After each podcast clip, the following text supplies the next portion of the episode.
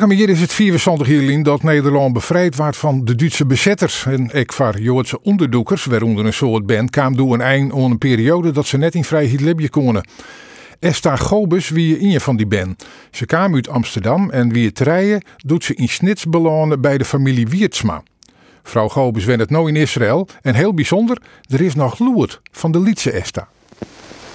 Oh, kijk, daar komt de ijsmama. Dit is de stem van de Lietse Esta. Al de opnames van een lietsvamke dat opnam waar in een grutgezin in de Tweede Wereldoorlog. Nou, haast 74 jaar later zocht ze waarom naar de tijd dat ze opgroeide in een vreemd gezin en na een periode waarom koe naar haar eigen ouders. Maar ik die wien weer vreemd. Nou, ik ben dus uh, op uh, driejarige, bijna vierjarige leeftijd door mijn ouders uh, bij mijn grootouders gebracht, omdat zij al gingen onderduiken. En in september 43, dus het is ruim een jaar daarna, ben ik weggehaald door twee Duitsers. Die belden aan bij het huis van mijn grootouders en die zeiden in het Duits dat ze moesten het kind meenemen. Later bleek dat dit mensen van het verzet waren. En vanaf, vanaf uh, juni 43 tot september 43 weet ik niet wat er met mij gebeurd is. Maar ik weet dus dat ik in september 43 bij de familie Weertsma in Sneek terecht kwam. Uh, daar werd ik liefdevol opgenomen in een gezin met twaalf kinderen van hemzelf. En Mem die zei altijd, waar twaalf wel of niet kunnen eten, dan kunnen ook dertien wel of niet kunnen eten. Dus dat is eigenlijk, uh, zo ben ik dus in Sneek terechtgekomen. Hoe, dat weet ik niet. Het is natuurlijk allemaal via het verzet gegaan. Maar daar heb ik helemaal geen idee van hoe dat gegaan is. Nee, en hoe oud was u precies? Nou, ik ben dus in uh, juni 39 geboren, dus ik was vier jaar. En u heeft daar uh, geen enkele herinnering aan, of nog wel? Aan de familie Wiertsma? Ja. Jazeker, ja. Daar ben ik. Het gezin was uh, streng gereformeerd. Dus uh, dat werd ik dus ook. Ja, ik ging mee naar de kerk. Ik leerde alle gebeden voor het eten, na het eten en voor het slapen gaan. Op onze knietjes, zoals alle kinderen. met de handen op memma's schoot en dan het avondgebedje. En, en dan gingen we naar bed. Dus was gewoon een van, van het gezin. En er was helemaal niks bijzonders aan mij verder. Nee. Wat alleen bijzonder was, dat was dus dat Mem en een van de, van de dochters, die hadden zwart haar. En ik ook. En de rest was allemaal blond. Dus dat, dat viel ook niet op. Nee. En uh, herinnert u zich nog uh, uh, of het ook voor u spannend was? Of dat er spanning over was? Nee, helemaal niet. Ik, ik ben gewoon groot geworden in dat gezin, net als eh, alle andere kinderen.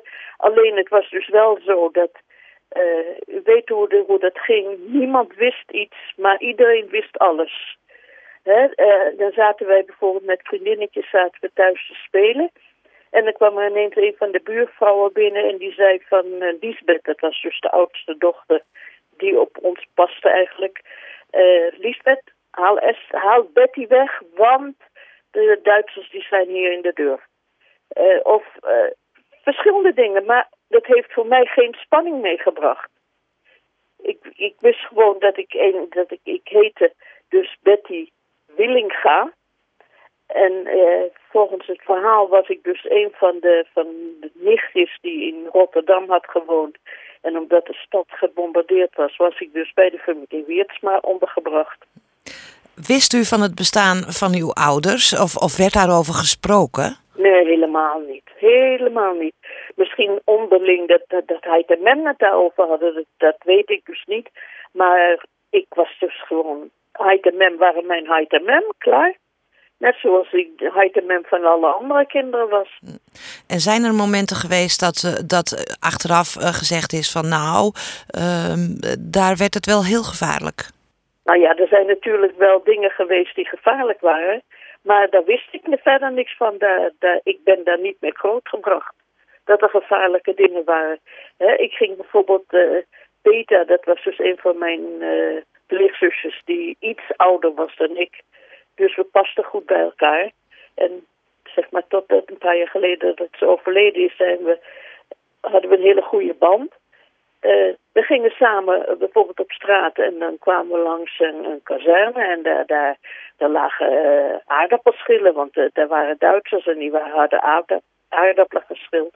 En die, die schillen die, die pakten we dan op en die namen we mee.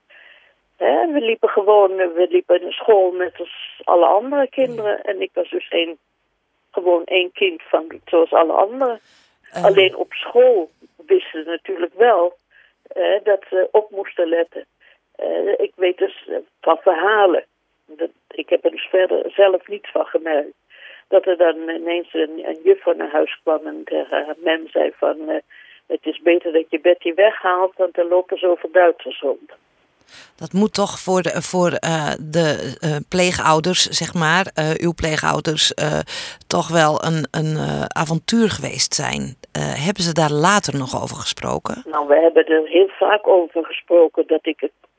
Nou ja, ik, ik begrijp eigenlijk niet goed hoe ze hun hele gezin in de waarschaal hebben gezet hè, om mij te redden.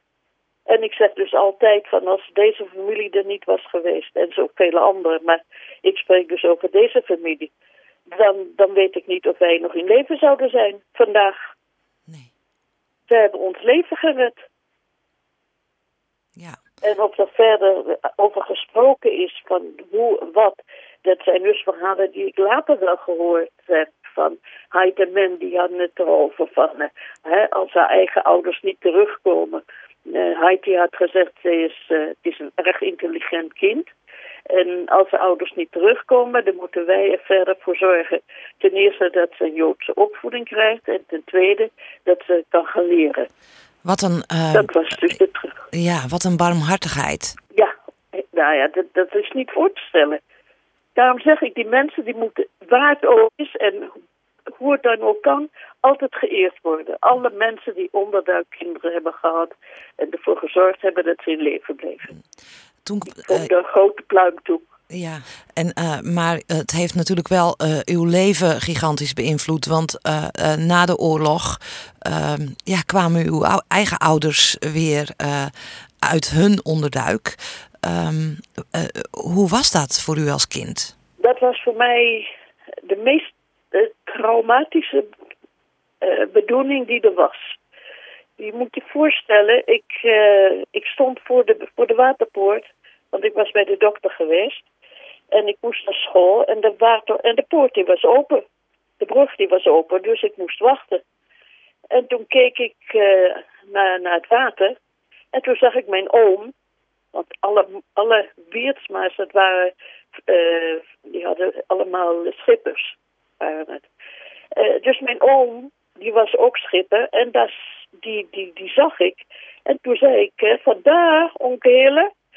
En toen stond daar een meneer op het dek. En die meneer die sprong op de wal, in het water, op de wal. En die begon achter mij aan te rennen. En toen rende ik dus naar huis. En toen kwamen we thuis. En toen heeft die vreemde meneer mij op zijn schoot genomen. En geaaid en gezoend. En me allemaal foto's laten zien waar ik helemaal, waar ik niemand van kende natuurlijk.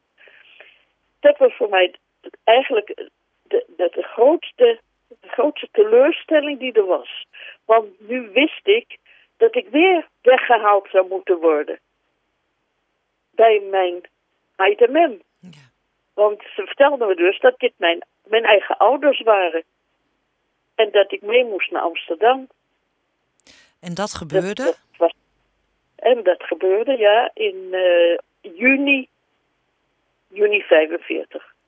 En hoe ging, hoe ging dat? Uh, hoe ging het met u toen? Uh, nou, het, kijk, mijn ouders die, die hebben het vreselijk moeilijk gehad. Want die zijn dus drie, vanaf 42, april 42 tot aan de bevrijding... hebben ze ondergedoken gezeten, samen, in Amsterdam bij vrienden van hun. En ze mochten dus bijvoorbeeld niet lopen, want in Amsterdam zijn de vloeren van hout. En de buren mochten natuurlijk niet weten dat er mensen waren, want die vrienden waar ze waren, die, dat zijn mensen die werkten overdag. Ze mochten bijvoorbeeld de kraan niet openmaken. Ze mochten maar heel zachtjes praten, zodat niemand het zou kunnen horen. Naar het toilet gaan, dat, dat mocht natuurlijk ook niet, want alles werd daar gehoord. Wat niet mocht. En die kregen daar, en die, toen na de oorlog gingen ze naar het Rode Kruis. En toen zagen ze dat hun hele familie vermoord was.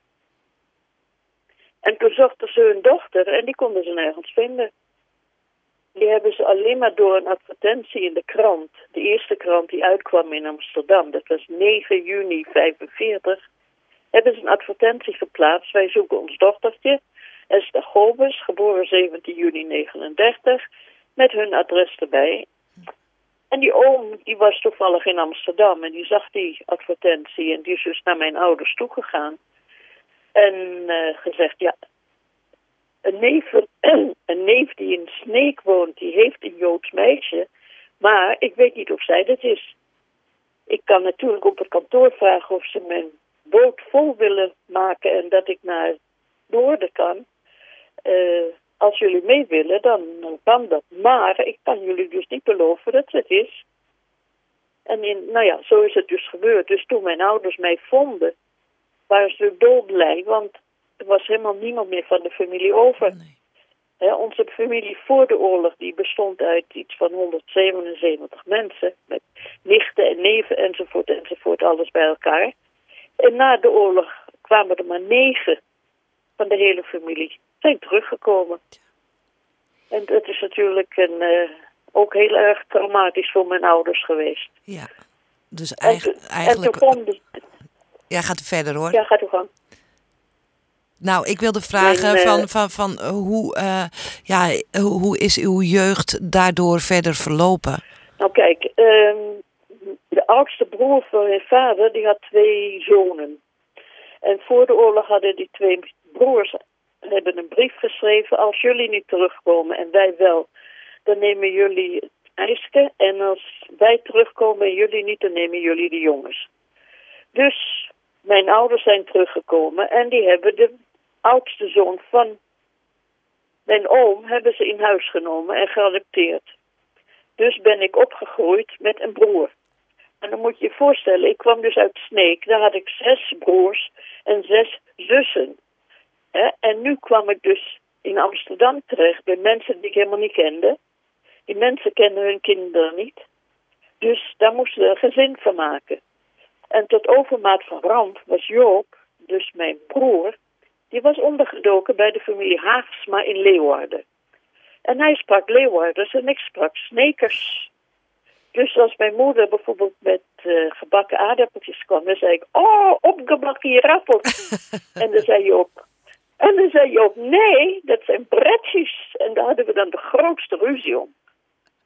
ik bedoel, dat, dat zijn dus dingen. En daar stonden mijn ouders, die stonden daar in het midden. En die konden er geen goed woord over zeggen natuurlijk. Want die begrepen niet wat hij zei en die begrepen niet wat ik zei. Mm. Ja, dat, dat, is nog een, dat is een mooie anekdote. Uh, maar bent u over uw trauma heen gekomen? Uh, ja, wij zijn dus ehm, opgevoed beide. Jullie staan met twee benen op de grond en zoek het maar uit, laat ik het zo zeggen. Hè? We, we, werden niet in de watten gelegd. We, wij zijn lid geworden van de AIC.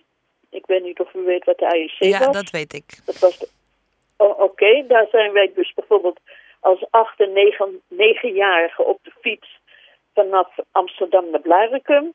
En dan uh, in een tent slapen en, uh, hè, en dan weer terug. En dan kwamen we thuis en hadden we bijvoorbeeld blaren op onze billen van, van, van het fietszadel. maar oh, dat gaat wel weer over. Dus ik denk dat dat ook heeft bijgedragen om over mijn uh, trauma heen te komen. Want ik heb er ook veel over gelezen. en we hebben dus op veel latere leeftijd ook eigenlijk begrepen dat mijn ouders beide met een masker voorliepen. Uh, ze probeerden altijd uh, het, het best zo goed mogelijk te doen. Maar toen ze beide dus op een gegeven moment, mijn vader die is dus in 70 overleden. Uh, en, en toen hij daar zo ziek was, toen, toen, ja, toen, toen was hij zichzelf. Hè, een lieve man. Uh, mijn moeder precies hetzelfde. Want ze probeerde, ze moesten altijd paraat zijn. Ze moesten altijd opletten. Uh, en daardoor was er dus een beetje, beetje moeilijkheid om ons een beetje liefdevol op te voeden. Ja. Heeft u nog, uh, uh, heeft u de, na, na, de oorlog altijd contact gehouden met de familie in Sneek? Tot vandaag de dag heb ik contact met de familie. ik heb zeer goede contacten met Martien Wiertsma, die woont dus in Leeuwarden. jammer genoeg is mijn, een van mijn pleegzusjes maand geleden overleden op 89-jarige leeftijd. Uh, wat ook heel jammer is, dat is dat mijn broer, die is ook drie maanden geleden plotseling overleden. Uh, dat is vooral jammer omdat uh, hij dus ook in Leeuwarden ondergedoken is geweest. En daar een heleboel over te vertellen had. Hij heeft er een boek over geschreven, niet alleen over zijn onderduiktijd, over zijn hele leven. Heeft hij een boek geschreven waarin hij eigenlijk, uh, dat heeft hij dan gewijd aan zijn ouders, die hij dus eigenlijk nooit gekend heeft. En dat boek dat, uh, dat is uh, uitgegeven en ik weet niet, het zal nog wel in de boekenwinkel zijn. Daar schrijft hij dus het hele verhaal in zoals hij het dus allemaal heeft meegemaakt. Dus dat is jammer dat ook hij er niet meer is. Ja.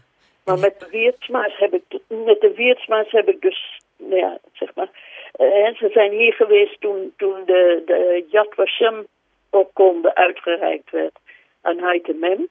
Toen waren twee pleegzusjes, de twee Beta en Atti, die waren hier, bij ons in Israël. En heel toevallig was een van de uh, kleindochters met haar man en kinderen ook in Israël. Dus die heb ik toen uitgenodigd voor de plechtigheid die in Yad Vashem heeft plaatsgevonden.